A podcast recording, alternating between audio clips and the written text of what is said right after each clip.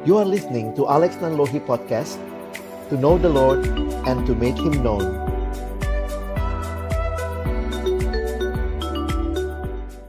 Mari sama-sama kita berdoa sebelum kita membaca merenungkan firman Tuhan. Benar ya Tuhan, hanya Engkaulah tempat perteduhan kami, hanya Engkaulah tempat kami datang dan mengadu ya Tuhan di tengah berbagai pergumulan kehidupan yang kami alami. Terima kasih karena Engkau Allah yang tidak pernah meninggalkan kami. Engkau hadir di tengah-tengah setiap pergumulan yang kami alami. Malam hari ini kami kembali merindukan ketika kami akan membuka firman-Mu ya Tuhan, bukalah juga hati kami Jadikanlah hati kami seperti tanah yang baik, supaya ketika benih firman Tuhan ditaburkan itu boleh sungguh-sungguh berakar, bertumbuh, dan juga berbuah nyata di dalam kehidupan kami. Berkati baik hambamu yang menyampaikan, setiap kami yang mendengar, Tuhan tolonglah kami semua. Agar kami bukan hanya jadi pendengar-pendengar firman yang setia, tapi mampukan dengan kuasa, dengan pertolongan dari rohmu yang kudus, kami dimampukan menjadi pelaku-pelaku firman-Mu di dalam kehidupan kami. Bersabdalah ya Tuhan, kami umat-Mu sedia mendengarnya. Di dalam satu nama yang kudus, nama yang berkuasa, nama Tuhan kami Yesus Kristus, Sang Firman yang hidup. Kami menyerahkan pemberitaan firman-Mu. Amin. Shalom, selamat malam Bapak Ibu yang dikasihi dalam Tuhan Yesus Kristus. Saya bersyukur untuk kesempatan yang Tuhan berikan boleh melayani Bapak Ibu Saudara sekalian malam hari ini. Terima kasih karena tentunya juga ini jadi kesempatan kita sama-sama boleh melihat kembali kepada apa yang Tuhan nyatakan bagi kita. Terima kasih untuk Pak Wardes yang juga boleh mengontak dan juga boleh memberikan kesempatan ini ya untuk saya boleh sharing firman Tuhan dengan Bapak Ibu sekalian. Tema yang sama-sama akan kita pikirkan malam hari ini adalah harapan di tengah krisis. Benar ya, seperti yang tadi dikatakan oleh Ibu Natasha bahwa awal-awalnya ini semua hal yang baru buat kita. Lama-lama jadi terbiasa, tapi ya juga kita tidak bisa tutup mata bahwa pandemi ini memang di satu sisi jadi sesuatu yang menakutkan, mengerikan. Awalnya cuma masalah kesehatan, tapi kemudian akhirnya karena melanda seluruh dunia telah menjadi masalah sosial, masalah ekonomi, ini jadi masalah uh, pendidikan buat anak-anak kita, ini jadi masalah uh, pekerjaan juga dan akhirnya juga kalau kita lihat bahkan dalam bidang spiritual ini juga jadi pergumulan begitu ya harus beribadah online seperti ini. Jadi waktu melihat ya mungkin ada bapak ibu yang ngalami juga ya harus work from home, ada yang juga harus terpaksa untuk boleh uh, bergantian datang ke kantor untuk anak-anak dengan studi mereka dan seperti yang saya katakan juga ibadah kita harus online Nah, tapi kemudian semua ini membuat kita jadi sadar begitu ya bahwa ada sebuah krisis ya yang sedang kita alami dan apa yang membuat kita bisa bertahan dalam krisis itu. Nah, ini yang sama-sama kita akan lihat malam hari ini. Saya ajak kita nanti membaca dari Markus pasal yang keempat ayat 35 sampai ayat 41 Bapak Ibu Saudara sekalian, saya sudah tuliskan ayatnya ada di screen. Nanti kita pelan-pelan untuk membacanya dan kemudian saya juga mengajak kita merefleksikannya dalam kehidupan kita. Nah, apa yang kita mungkin pernah dengar juga dari kisah ini, biasanya di sekolah minggu juga diceritakan oleh guru-guru sekolah minggu ketika ada badai datang ya, seperti lagu tadi pas banget ya. Kala badai datang menderu, apa yang menjadi kekuatan bagi kehidupan kita. Nah, kita membaca kisahnya dalam Markus di Markus 4 Kita mulai dari ayat yang ke-35. Pada hari itu, waktu hari sudah petang, Yesus berkata kepada mereka, "Marilah kita bertolak ke seberang." Mereka meninggalkan orang banyak itu lalu bertolak dan membawa Yesus beserta dengan mereka dalam perahu di mana Yesus telah duduk dan perahu-perahu lain juga menyertai dia. Saudara yang dikasihi Tuhan, pada masa itu Yesus kalau kita perhatikan uh, melakukan pengajarannya dengan konteks pada masa itu sering kali juga dari atas perahu ya Yesus mengajar dari atas perahu menggunakan angin laut yang membuat akhirnya suaranya bisa terdengar begitu ya nah sehingga biasanya juga untuk uh, yang kita baca di ayat 36 ini Yesus mau uh, meninggalkan orang banyak atau Yesus mau beristirahat biasanya dia harus uh, bertolak dengan perahu itu. Nah, sedikit konteks tentang perahu pada masa itu mungkin kita bisa membayangkan jangan juga terlalu primitif membayangkannya dari hasil penggalian arkeologis inilah kira-kira Galilean fishing boat pada masa itu. Ini panjangnya 8,1 meter kira-kira. 2,3 meter kali 1,4 meter. Baik itu lebar dan tingginya. Dan ini perahu layar ya. Bukan perahu motor. Jadi menggunakan kekuatan angin gitu ya untuk uh, ber, berla, uh, mengarungi danau itu jadi menariknya bahwa ini bisa menampung kira-kira 15 orang jadi uh, ini juga sesuatu yang mungkin perlu kita hayati. Murid Yesus adalah nelayan dan mereka juga adalah nelayan di Danau Galilea. Nah, kemudian dituliskan di dalam ayat 4 uh, 37 lalu mengamuklah taufan yang sangat dahsyat dan ombak menyembur masuk ke dalam perahu sehingga perahu itu mulai penuh dengan air. Bapak Ibu yang dikasihi Tuhan, kalau kita hayati, sebenarnya taufan mengamuk di Danau Galilea itu sesuatu yang lazim, ya. Nah, mungkin kalau Bapak Ibu juga yang orang Batak pernah ke Danau Toba gitu ya. Kadang-kadang kita lihat danaunya tenang banget gitu ya, tapi ternyata juga bisa badai ya. Bisa terjadi badai karena uh, tentunya juga letak geografis mempengaruhi. Nah, yang menarik dari arkeologi uh, dari dari uh, apa?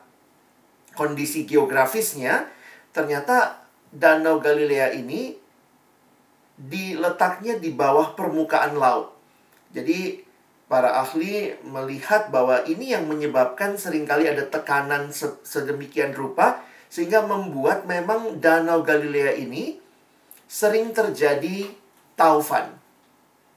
Tapi Nampaknya taufan kali ini beda Bapak Ibu ya. Sekali lagi kalau kita perhatikan, murid-murid Yesus adalah nelayan. Tentunya mereka bukan baru pertama kali menghadapi taufan. Berulang kali menghadapi taufan di Danau Galilea, tempat mereka biasanya bekerja. Tetapi kali ini, nanti kalau kita lihat ayat berikutnya, mereka aja ketakutan. Nah itu menarik untuk kita perhatikan ya nelayan yang sehari-hari aja bisa begitu ketakutan. Dan kita baca di ayat 37 ini bahwa mengamuklah taufan yang sangat dahsyat. Jadi ini bukan taufan yang biasa yang memang terbiasa atau biasa terjadi di Danau Galilea, tapi kali ini sangat dahsyat dan bahkan ombak sudah menyembur masuk ke dalam perahu. Perahu mulai penuh dengan air dan ya itu ciri-ciri mau tenggelam begitu ya ini satu situasi yang tidak biasa. Biasa taufan, tapi taufan yang sangat dahsyat tentunya membuat para nelayan yang terbiasa aja ketakutan begitu ya. Nah, ini benar-benar krisis ya. Kalau kita perhatikan mungkin seperti kalau kita bawa ke konteks pandemi kita ini ya. Memang ya tenaga kesehatan aja ketakutan begitu ya pelaku bisnis aja ketakutan krisis pernah terjadi tapi ya juga dalam situasi seperti ini yang nggak biasa jadi ini membuat kita melihat krisis terjadi. Dan krisis itu membuat orang menjadi takut menjadi tidak menentu berada dalam ketidakpastian. Nah mari lihat ayat selanjutnya ayat 38 pada waktu itu, Yesus sedang tidur di buritan di sebuah tilam. Maka murid-muridnya membangunkan dia dan berkata kepadanya, Guru, engkau tidak peduli kalau kita binasa. Jadi sekali lagi ya, nelayan bisa melihat, wow ini taufannya dahsyat. Ini bakal mati nih kalau tidak ada pertolongan begitu ya. Nah, apa yang menarik untuk kita perhatikan, mereka datang dan membangunkan Yesus yang sedang tidur. Mungkin ini jadi menarik untuk kita pahami ya. Beberapa penafsir Alkitab mengatakan Yesusnya kecapean gitu ya, tidur. Tapi kemudian ini jadi peristiwa yang bagi saya menolong mereka melihat sisi yang lain dari siapa Yesus, ya. Di mana buritan itu Buritan itu kalau lihat di terjemahan sederhana Indonesia TSI ya. Saat itu Yesus sedang tidur di bagian belakang perahu dengan kepala di atas bantal. Lalu murid-muridnya datang membangunkan dia dan berkata, "Guru, kenapa engkau tidak peduli? Sebentar lagi kita akan tenggelam dan binasa." Ayat 39 yang kita perhatikan, ia pun bangun, menghardik angin itu dan berkata kepada danau itu, "Diam, tenanglah." Lalu angin itu reda dan danau itu menjadi teduh sekali. Selanjutnya, lalu ia berkata kepada mereka, "Mengapa kamu begitu takut? Mengapa kamu tidak percaya?" Mereka menjadi sangat takut dan berkata seorang kepada yang lain, "Siapa gerangan orang ini?" sehingga angin dan danau pun taat kepadanya. Nah, Bapak Ibu Saudara yang dikasihi Tuhan, inilah realita hidup yang kita alami juga kalau kita mau refleksikan dalam kehidupan kita bahwa kita pun mengalami krisis. Murid-murid sebagai nelayan yang tangguh pun mengalami krisis yang mereka alami dalam kehidupan mereka dan ini juga yang kita coba lihat ya, kita alami dalam situasi-situasi saat ini. Apa yang sering kali muncul atau kita rasakan ketika mengalami krisis kehidupan? Saya ingin kita melihat dari apa yang terjadi dengan murid-murid Yesus. Coba kita periksa juga gitu ya. Apakah krisis-krisis kehidupan itu juga membuat kita punya respon yang sering kali sama dengan apa yang dirasakan oleh para murid. Dari ayat yang kita baca tadi, yang pertama, ada pertanyaan di sini ya. Murid Yesus nanya begini, Guru, waktu habis membangunkan Yesus, engkau tidak peduli kalau kita binasa. Saudara, ini satu respon yang kalau kita perhatikan, saya menuliskannya begini. Ini meragukan kasih Allah. Tuhan kau tidak peduli, Tuhan engkau tidak mengasihi kami. Dan itu sering kali muncul ya dalam realita krisis yang kita alami. Ketika mungkin Bapak Ibu atau keluarga ada yang terkena COVID atau mungkin ada yang sampai merenggut nyawa, akhirnya kita bertanya, Tuhan, kenapa sih Tuhan nggak mengasihi keluargaku? Kenapa sih Tuhan tidak mengasihi orang-orang yang dekat dengan aku? Sehingga dalam situasi yang sulit, ini sering kali muncul jadi respon kita. Tuhan kayaknya nggak peduli deh sama hidupku. Tuhan kayaknya nggak baik deh sama saya. Kita jadi meragukan kasih Allah. Respon kedua yang mungkin muncul, saya lihat dari apa yang Yesus tanyakan ya. Karena Yesus tanya kepada murid-muridnya. Atau dia memberikan teguran kalau boleh kita lihat di ayat 40. Lalu ia berkata kepada mereka, Mengapa kamu begitu takut. Jadi krisis di satu sisi bisa membuat kita merasa Tuhan tidak mengasihi kita. Kita meragukan kasih Tuhan dan di situasi yang lain itu pun membuat kita ketakutan. Ini bukan hal yang uh, apa ya? Ini bukan hal yang kayaknya nggak mungkin terjadi bagi hidup orang percaya, tapi bagi orang-orang yang kalau kita hayati ya murid-murid lagi bersama Yesus waktu itu. Tetapi mereka merasa Tuhan tidak mengasihi mereka, tidak peduli dengan mereka, dan juga merasa ketakutan. Apa yang jadi pergumulan dalam situasi krisis? Bapak Ibu, saya mau coba main sulap ya. Saya mau coba main sulap malam hari ini. Saya akan membuat Bapak Ibu menghilang. Ya. Saya akan buat Bapak Ibu menghilang dalam hitungan tiga.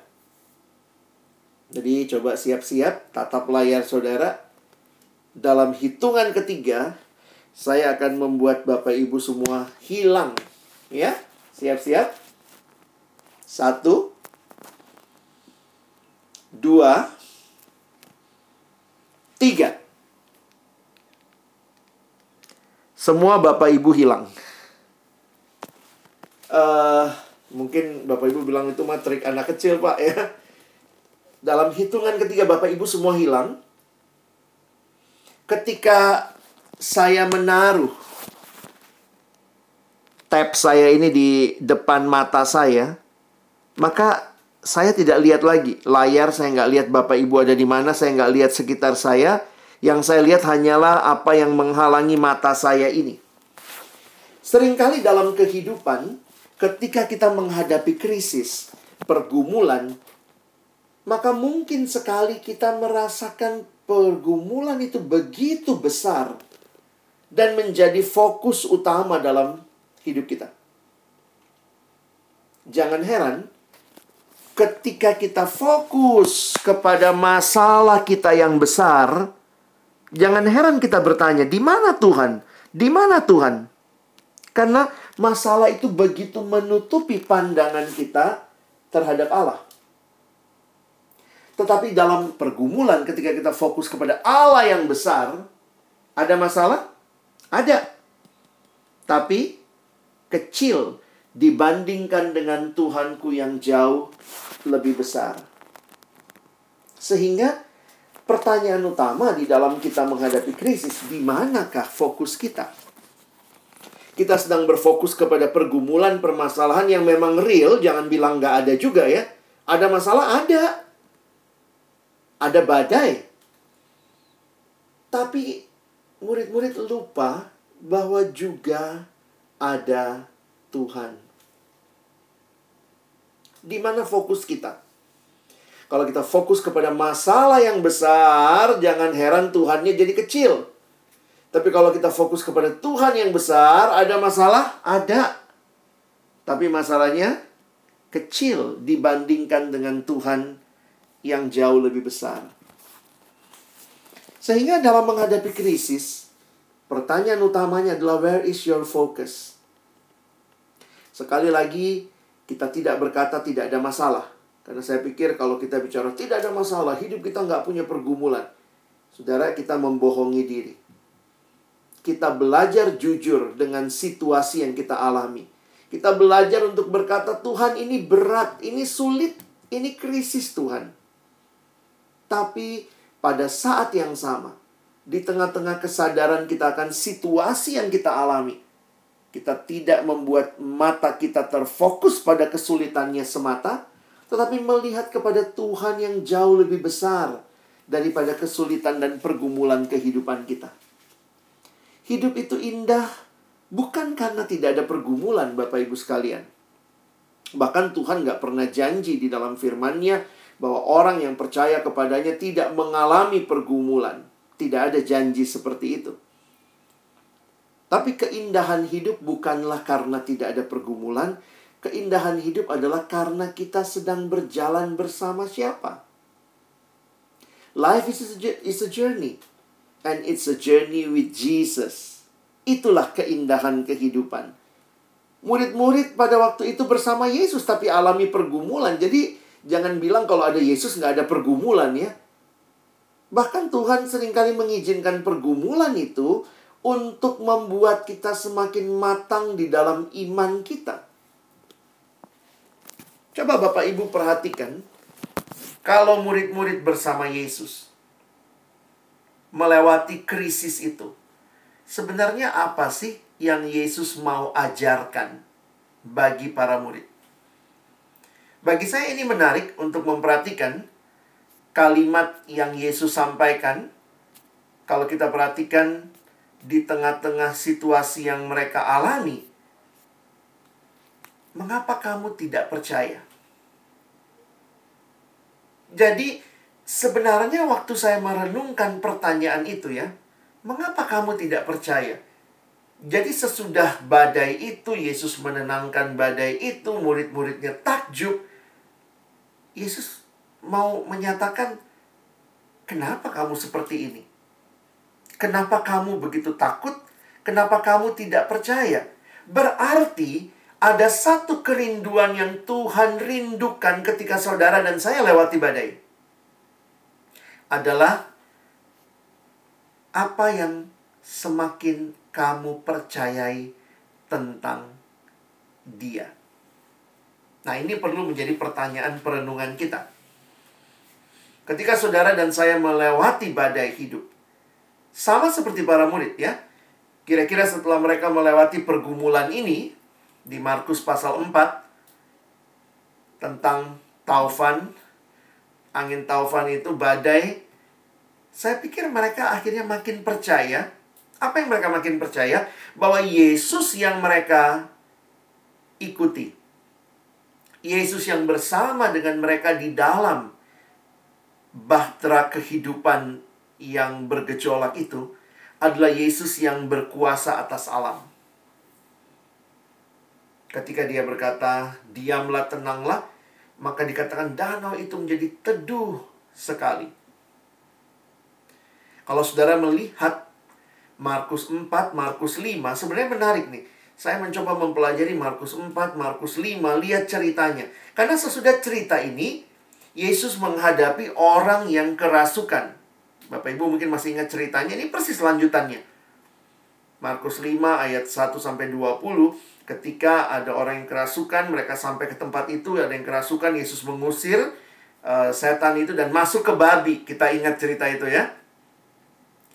Jangan lupa, murid-murid sedang bersama Yesus. Apa yang makin mereka percaya kira-kira? Kalau tadi mereka percaya melewati badai itu, wow, Yesusku lebih berkuasa daripada alam yang mengamuk maka di dalam ayat ini saya melihat mungkin ya bukan mungkin ya, pasti mereka pun melihat dan bisa menyimpulkan bahwa Yesus lebih berkuasa dibanding setan. Ketika mereka bersama Yesus melihat bagaimana Yesus mengusir roh jahat itu, mereka akhirnya menyadari Yesus lebih berkuasa dari setan-setan. Cerita selanjutnya Bapak Ibu lihat masih ingat ya ceritanya seorang perempuan yang sakit pendarahan 12 tahun. Ketika itu dia datang dan dia menyentuh jubah Yesus dan kemudian seketika itu juga dikatakan sakitnya pendarahannya berhenti. Nah, ini menarik sekali kisah ini ya kalau kita pelajari bahwa Tuhan Yesus kemudian bertanya, "Siapa yang menyentuh jubahku?" Nah, murid-muridnya bilang, "Tuhan, ini please deh. Ini banyak banget orang di sini. Siapa nih ya?" Semua berdesak-desakan sehingga buat mereka apa sih yang Yesus tanya? Tetapi Yesus meminta siapa yang menyentuh jubahnya dan dia minta orang itu tampil ke depan. Dan kemudian perempuan ini maju dan dengan tersungkur ya, dengan ketakutan ya dia yang mengatakan dia menyentuh jubah Yesus. Saudara bagi saya menarik begini, kalau Yesus nggak suruh maju, perempuan itu toh sudah sembuh ya pulang aja udah sembuh ini. Tapi kenapa Yesus suruh dia maju? Buat orang yang sakit pendarahan pada masa itu maka dia terkucilkan dari kehidupan keagamaan. Karena ketika orang pendarahan khususnya perempuan pendarahan dia nggak boleh beribadah ke bait Allah tidak boleh datang ke tempat ibadah. Sehingga bayangkan 12 tahun terasing dari kehidupan keagamaan. Berarti juga terasing dari hidup sosial karena waktu itu hidup sosial keagamaan blended begitu kuat. Bayangkan Bapak Ibu sekalian, 12 tahun tidak punya komunitas karena dia terasingkan karena penyakitnya. Bisa aja dia sembuh habis pegang jubah Yesus dia pulang aja gitu ya.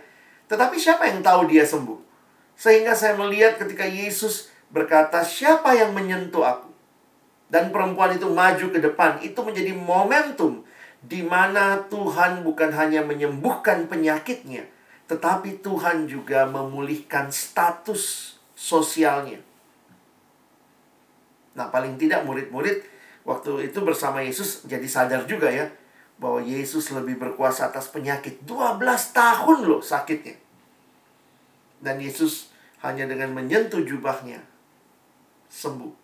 Saya lagi bayangkan kalau saya jadi murid Yesus lalu kemudian mungkin intern ya kayak kita terima mahasiswa magang di kantor gitu ya. Nanti kamu ikutin Bapak ini ya, apa pun yang terjadi kamu coba catat. Kalau saya sedang ikut Yesus, saya ikut dia di dalam perahu yang badai. Akhirnya saya akan tulis, Yesus itu lebih berkuasa dibanding alam. Saya ikut melihat dia mengusir setan, Yesus lebih berkuasa atas setan. Saya ikut lihat perempuan yang dia sembuhkan. Yesus lebih berkuasa atas penyakit. Dan peristiwa berikutnya, kepala uh, ini ya, uh, pengawal baik Allah itu ya, anaknya Yairus gitu. Kalau Bapak Ibu perhatikan di Markus pasal 5, ini semua nyambung ya. Nanti kalau Bapak Ibu lihat di Alkitab tuh Markus 4, 5. Anak Yairus. Dan waktu itu dikatakan anaknya sebenarnya sudah meninggal sudah mati tetapi kemudian Yesus datang dan membangkitkan anak Yairus. Kalau saya mahasiswa magang, saya akan catat di catatan saya, Yesus lebih berkuasa atas kematian. Saudara, krisis terjadi. Krisisnya apa? Ada badai. Krisisnya apa? Ada setan. Krisisnya apa? Ada penyakit. Krisisnya apa? Bahkan ada kematian. Dan kita lihat itu di sekitar kita. Tetapi di dalam krisis ini, pertanyaan penting bagi kita. Apa yang bisa kita pelajari dari krisis yang kita alami? Pertama-tama tentang diri kita dan juga tentang Yesus. Jadi akhirnya kalau kita belajar melihat di tengah krisis, sebenarnya apa sih harapan kita? Itu tema kita malam hari ini ya. Harapan di tengah krisis Kadang-kadang krisisnya lebih kuat kita lihat, kita lupa ada harapannya. Murid-murid Yesus begitu fokus kepada angin taufan air yang sudah mulai masuk ke dalam perahu sampai lupa. Di dalam perahu ada Yesus. Di dalam hidup kita yang mengalami krisis ini, Yesus tidak meninggalkan kita. Betul ada kematian, tapi bagi kita yang percaya, Yesus membawa kehidupan karena ada kebangkitan, kita percaya akan hal itu. Ketika hari Minggu di gereja, walaupun secara online kita pun menyatakan pengakuan kita, aku percaya akan kebangkitan orang mati, kebangkitan daging. Kenapa? Karena Yesus bangkit, kita percaya ada kebangkitan, ada kehidupan. Jadi pergumulan ada, kesulitan ada, ya sakit, penyakit, kematian, bahkan ya krisis ekonomi. Tapi jangan lupa harapan kita sedang bersama kita. Dia Yesus yang tidak meninggalkan kita. Sehingga pertanyaan ini penting bagi refleksi kita. Bagaimana perjalanan saudara bersama Yesus telah mengubahkan hidup kita? Saya harap kita tidak menggantinya menjadi Bagaimana perjalanan saudara bersama krisis telah mengubahkan hidupmu? Krisisnya memang ada, tapi juga Yesus juga ada gitu ya. Apakah kita seperti para murid? Yesus berkata, "Mengapa kamu tidak percaya?" Berarti mari belajar untuk percaya. Kita takut akan masa depan karena memang realitanya tidak mudah saat ini. Kita tidak tahu bagaimana kita bisa melewati semua ini ke depan, kita bahkan tidak tahu apa yang terjadi. Dulu semua banyak orang prediksinya bagus-bagus untuk setahun ke depan. Sekarang banyak orang yang nggak berani buat prediksi. Fear of the future. Tapi jangan lupa, kalau kita percaya bahwa hidup kita adalah sebuah perjalanan, adalah sebuah cerita yang dirangkai oleh Allah yang menuliskan kisah kita, you can trust God to write your story. Nah, inilah memang menarik ya. Kita orang Kristen sering kali disebut orang percaya, ya. Bahasa Inggrisnya pun menggunakan kata believer. Tapi ini juga salah satu pergumulan yang sulit. Saya nuliskan begini ya Salah satu kesulitan besar bagi kita sebagai orang percaya adalah untuk sungguh-sungguh percaya. Unik ya, kita namanya orang percaya tapi juga salah satu kesulitan kita kita sulit percaya. Kita sulit percaya bahwa Allah tahu dan sanggup memberikan yang terbaik yang kita butuhkan. Harapan bagi Bapak, Ibu, Saudara, dan saya di tengah krisis. Ingatlah, ada Yesus Our hope is a person. His name is Jesus. Pengharapan kita bukan dari manusia, dari dunia ya. Kadang-kadang ya memang realitanya kayak kita berharap sama apa? Berharap ya sama pemerintah ya ada vaksin sekarang. Berharap juga sama perusahaan. Berharap mungkin kepada pasangan kita. Ya dalam batas tertentu mereka bisa menolong. Dalam batas tertentu. Tetapi kalau kita perhatikan mereka pun juga perlu ditolong ya. Pemerintah butuh pertolongan, pasangan kita butuh ditolong juga. Jadi kalau kita bicara pengharapan yang sesungguhnya memang bukan dari manusia, bukan dari dunia, tapi dari Allah sendiri.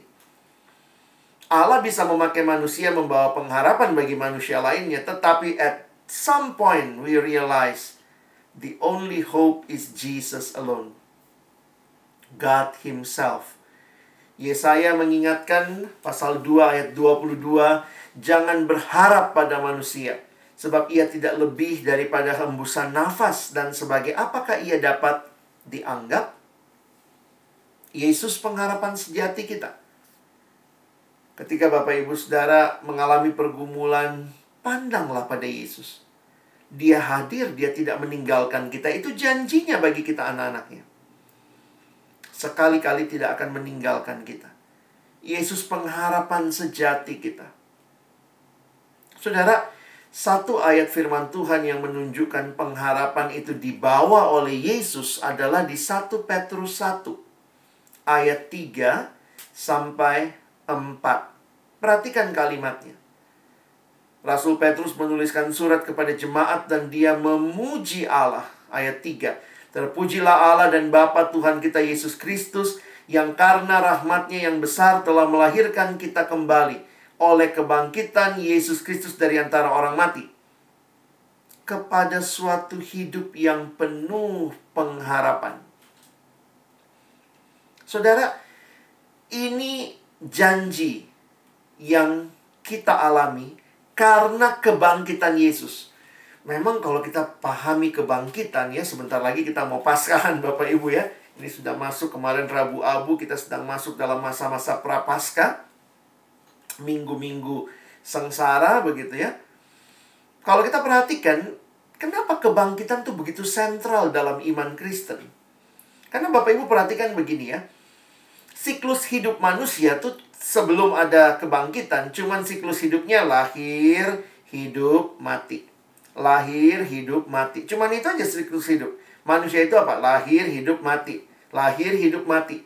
Tetapi karena Yesus datang dan dia bukan hanya mati, tapi dia bangkit.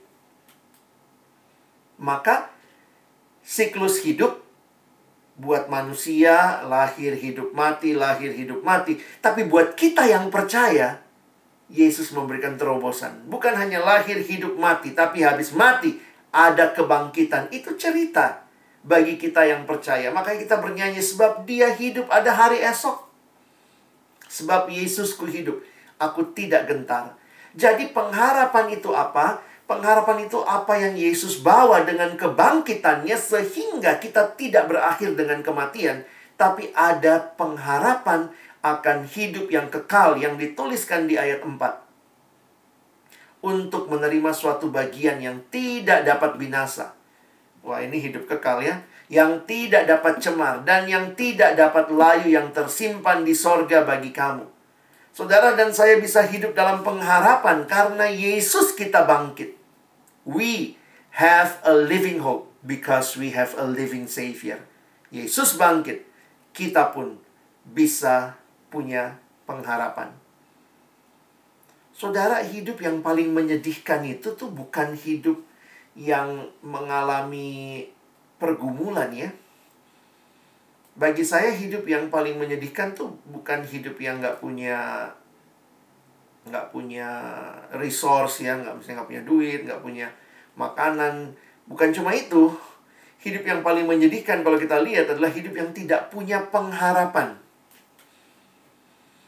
karena dia nggak tahu lagi untuk apa dia hidup gitu ya bahkan yang yang uh, lebih menyedihkan itu bukan hidup tanpa uh, bukan hidup uh, penderitaan ya. Kadang-kadang orang bilang yang paling menyedihkan dalam hidup itu penderitaan. Bukan. Bagi saya adalah yang paling menyedihkan adalah tidak punya pengharapan. Karena apa? Kalau orang punya pengharapan dia bahkan mungkin mau menderita loh. Karena dia punya pengharapan. Jadi istilahnya nggak apa-apa deh menderita dulu. Saya punya harapan nanti ada sesuatu yang lebih baik. Jadi yang paling menyedihkan dalam hidup bukan penderitaan, tapi hidup tanpa pengharapan. Dan buat kita yang percaya kita dijanjikan ada pengharapan karena Yesus bangkit, maka kita punya kehidupan yang tidak berakhir di kematian. Sehingga kalau kita mengalami pergumulan hidup, bahkan pergumulan yang paling mematikan pun, itu that is not the end of our story. COVID membuat saudara-saudara kita ada yang harus meninggal dunia. Tapi buat kita yang percaya itu bukan akhirnya. Walau harus dikubur protokol COVID dengan peti yang dibungkus, dibalut begitu rupa, tidak ada keluarga yang bisa datang mendekat ke peti untuk melihat pemakaman segala macam. That is not the end of our story. We have a living hope because we have a living Savior. Jadi buat kita orang percaya, saya pikir sekali lagi ya, jangan terjebak dalam optimisme dunia yang seolah-olah optimis, optimis karena saya mampu. Nah, itu jadi sombong juga. Saya manusia, saya mampu. Jadinya optimis. Atau pesimis. Pesimis itu karena kita juga lihat. Kadang-kadang kita lihat diri, waduh saya nggak mampu. Jadi orang beriman itu, orang yang berpengharapan itu bukan melihat dirinya. Kalau dia bisa, saya mampu jadi optimis. Kalau dia nggak bisa, saya nggak mampu jadi pesimis. Gimana sikap hidup orang percaya? Saya tak menarik dengan kalimat ini dari Bapak Pendeta John Stott. Dia berkata, sikap Kristen bukan optimis. Maksudnya gini, optimis yang mengandalkan manusia. Bukan juga pesimis, karena mengandalkan manusia juga ya. Tetapi realistis yang berpengharapan. Krisis ini sedih, sedih saudara. Harus realistis, benar, sedih. Ada yang kehilangan pekerjaan, ada yang kesulitan hidup, ada saudara-saudara yang teman saya punya anak yang sudah bingung gitu ya belajar online di rumah anaknya de eh, depresi gitu ya. Kesulitan itu kita realistis. Ini loh realitanya. Tetapi kita bisa melihat melampaui realita. Kita bisa punya pengharapan sehingga kita bisa bangkit dan berjuang. Karena kita punya Tuhan. Dan dia tidak meninggalkan kita di dalam krisis. Hopeful but realism. Ya. Jadi bukan optimis karena ini hanya mengandalkan kemampuan manusia, bukan pesimis karena kalau lihat manusia nggak mampu kita jadi pesimis, tetapi realistis yang berpengharapan karena kita melihat Tuhan di tengah-tengah badai kehidupan kita. Karena itu mari berdoa supaya berharap itu jadi gaya hidup ya. Berharap itu hope is a lifestyle.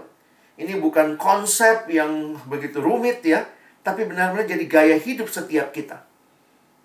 Ini namanya Bapak Paul David Tripp. Dia menuliskan kalimat untuk mengelaborasi penghayatan dia sebagai hope is a lifestyle. Dia berkata begini, harapan kita membentuk cara hidup kita. Harapanlah yang menyebabkan kita membuat keputusan-keputusan yang kita ambil. Kurangnya harapan membuat kita merasa mandek dan tanpa motivasi. Dan kalau Tuhan adalah harapan kita, maka di tengah situasi sulit pun, pilihan kita bukan meragukan Tuhan, Pilihan kita bukan tidak percaya pada Tuhan. Pilihan kita bukanlah menjadi apa yang kita mau, apa yang saya pilih, tetapi pilihan-pilihan kita adalah dalam pengharapan kepada Tuhan. Saya akan terus berharap, saya tidak menyerah, saya terus bangkit dengan motivasi yang baru. Saya bisa menjalani hari-hari hidup yang memang mungkin masih tidak pasti. Tapi ketika badai itu datang, saya pun sadar Tuhan ada dan tidak meninggalkan saya. Saudara, saya tutup dengan kutipan yang menarik dari Bapak Charles Spurgeon, seorang pengkhotbah abad 18. Dari kutipan dia ini juga ada yang membuatnya jadi lagu ya. Menarik sekali kalimatnya ketika dia berkata, God is too good to be unkind and he is too wise to be mistaken. Allah tuh terlalu baik untuk jadi nggak baik. Dan Allah itu terlalu bijaksana untuk bikin kesalahan. Kadang-kadang kan kita melihat mana Tuhan, kenapa ini Tuhan terjadi? Lalu kita salahkan, kayaknya Tuhan kurang bagus nih jadi Tuhan. Masa pandemi ini nggak kelar-kelar ya Tuhan kayaknya kurang pas jadi Tuhan. Tuhan kayaknya lagi nggak baik nih. Tuhan itu bukan kayak, maaf ya, bukan kayak suami atau istri kita hari ini baik, besok nggak baik. Bukan kayak atasan kita, bawahan kita, atau teman kerja kita hari ini baik, besok nggak baik. Tuhan nggak berubah-berubah ya. Tuhan tetap baik. Sehingga waktu kita lihat situasi yang tidak baik, jangan bilang Tuhan nggak baik. Dia tetap baik. Dia tidak mungkin melakukan kesalahan. Karena itu kalimat Charles Spurgeon dia lanjutkan. And when we cannot trace his hand, we must trust his heart. Ketika saudara sulit melihat Tuhan kenapa ini terjadi, kita kayak nggak bisa ngikutin. Kenapa tangan Tuhan kayak begini ya? Kok ini terjadi? Kok itu terjadi? We cannot trace his hand. But please, trust his heart. Percayalah hatinya Allah. Allah yang berkata, Aku tetap mengasihimu, aku tidak meninggalkanmu di dalam situasi yang sulit. Aku hadir dan menuntun hidupmu. Inilah harapan kita. Harapan kita bukan kepada sekadar situasi selesai, tidak ada pergumulan. Harapan Bapak Ibu Saudara dan saya ada di dalam pribadi Yesus yang tidak pernah meninggalkan kita. Kan itu orang Kristen selalu punya pengharapan karena ada Yesus. Saya suka berpikir gini Bapak Ibu ya. Kenapa ya? dunia ini tidak punya iman, tidak punya kasih, tidak punya pengharapan. Tetapi kita orang percaya, kita punya tiga-tiganya. Kita punya iman kepada Kristus, kita punya kasih kepada saudara-saudara kita, kita punya pengharapan sehingga kita bisa bertahan dalam hidup di tengah pergumulan. Akhirnya saya jadi sadar, Tuhan Ketika saya lihat dunia tanpa iman, dunia tanpa kasih, dunia tanpa pengharapan, dan Tuhan menitipkan itu buat saya, orang percaya, saya diberikan iman, diberikan kasih, diberikan pengharapan, itu berarti Tuhan mau saya hadir dan membagikan iman itu, membagikan kasih itu, dan membagikan pengharapan itu. Saat ini banyak saudara-saudara kita yang mungkin kehilangan pengharapan. Dan ketika Bapak Ibu Saudara boleh menikmati pengharapan dalam Kristus, biarlah Tuhan pakai kita juga membawa pengharapan itu bagi saudara-saudara kita. Jangan berhenti menikmati hanya bagi kita, tapi bagikanlah itu. Sehingga kita peduli, kita peka kalau ada saudara kita yang kesulitan, punya pergumulan, bahkan mungkin hanya mau didengarkan, dia mau cerita, biarlah kita bawa mereka bertemu dengan Kristus Sang Pengharapan yang sejati. Kiranya Tuhan menolong kita untuk terus hidup dengan pengharapan yang pasti di tengah krisis apa pun. Jangan berpikir krisis ini kalau sudah selesai COVID ya sudah hidup tanpa krisis selesai COVID mungkin ada masalah lain lagi ya. Karena masalah sebelum COVID juga Bapak Ibu punya masalah nggak dalam hidup? Punya ya. Jadi jangan merasa COVID inilah satu-satunya masalah di dunia. Setelah COVID ada masalah lagi, setelah masalah selesai ada krisis lagi. Hidup itu sering kali kita lihatnya rangkaian krisis juga. Tapi bagi kita yang percaya, hidup adalah rangkaian perjalanan bersama Tuhan yang hadir ketika kita melewati berbagai krisis. Tuhan menolong kita terus berpengharapan kepadanya. Amin. Mari kita berdoa. Tuhan terima kasih untuk janjimu yang memberikan kekuatan kepada kami bahwa engkau hadir di dalam pergumulan yang paling sulit sekalipun dan engkau tidak meninggalkan kami. Tolong kami pada akhirnya bukan cuma jadi pendengar-pendengar firman yang setia, mampukan kami untuk hidup berpengharapan, memandang kepada Yesus, berharap kepada Yesus.